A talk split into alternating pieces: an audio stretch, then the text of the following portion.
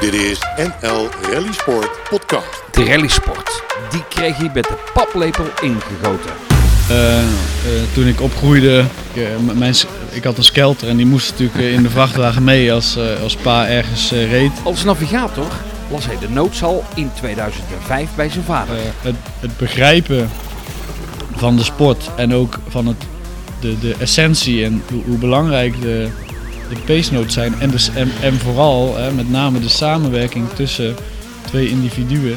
In 2007 zijn allereerste wedstrijd met Harmen Scholtalberts. Weet je, en, en dit zelfs kan, kan, kan nog harder. Nou ja, ik weet dat hij daar gelijk in had. Kevin Abbering, Dat vind ik stiekem wel, wel hartstikke mooi.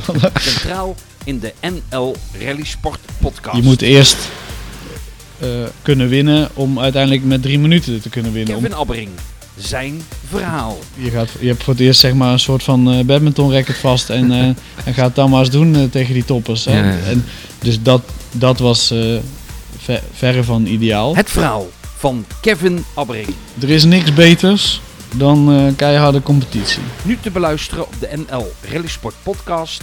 Onder andere via Spotify, Apple en Google En Podcasts. toen kwam ik en wij deden die test en schijnbaar eh, was ik eh, sneller. En eh, hebben ze nog een hele meeting gehad met, oh, we hebben hier een Nederlander en die eh, doet het eigenlijk wel heel erg goed. Wat moeten we daarmee doen? Volg NL Rally Sport op Facebook, Twitter en Instagram. Alles over autorally met Marco Schilleman.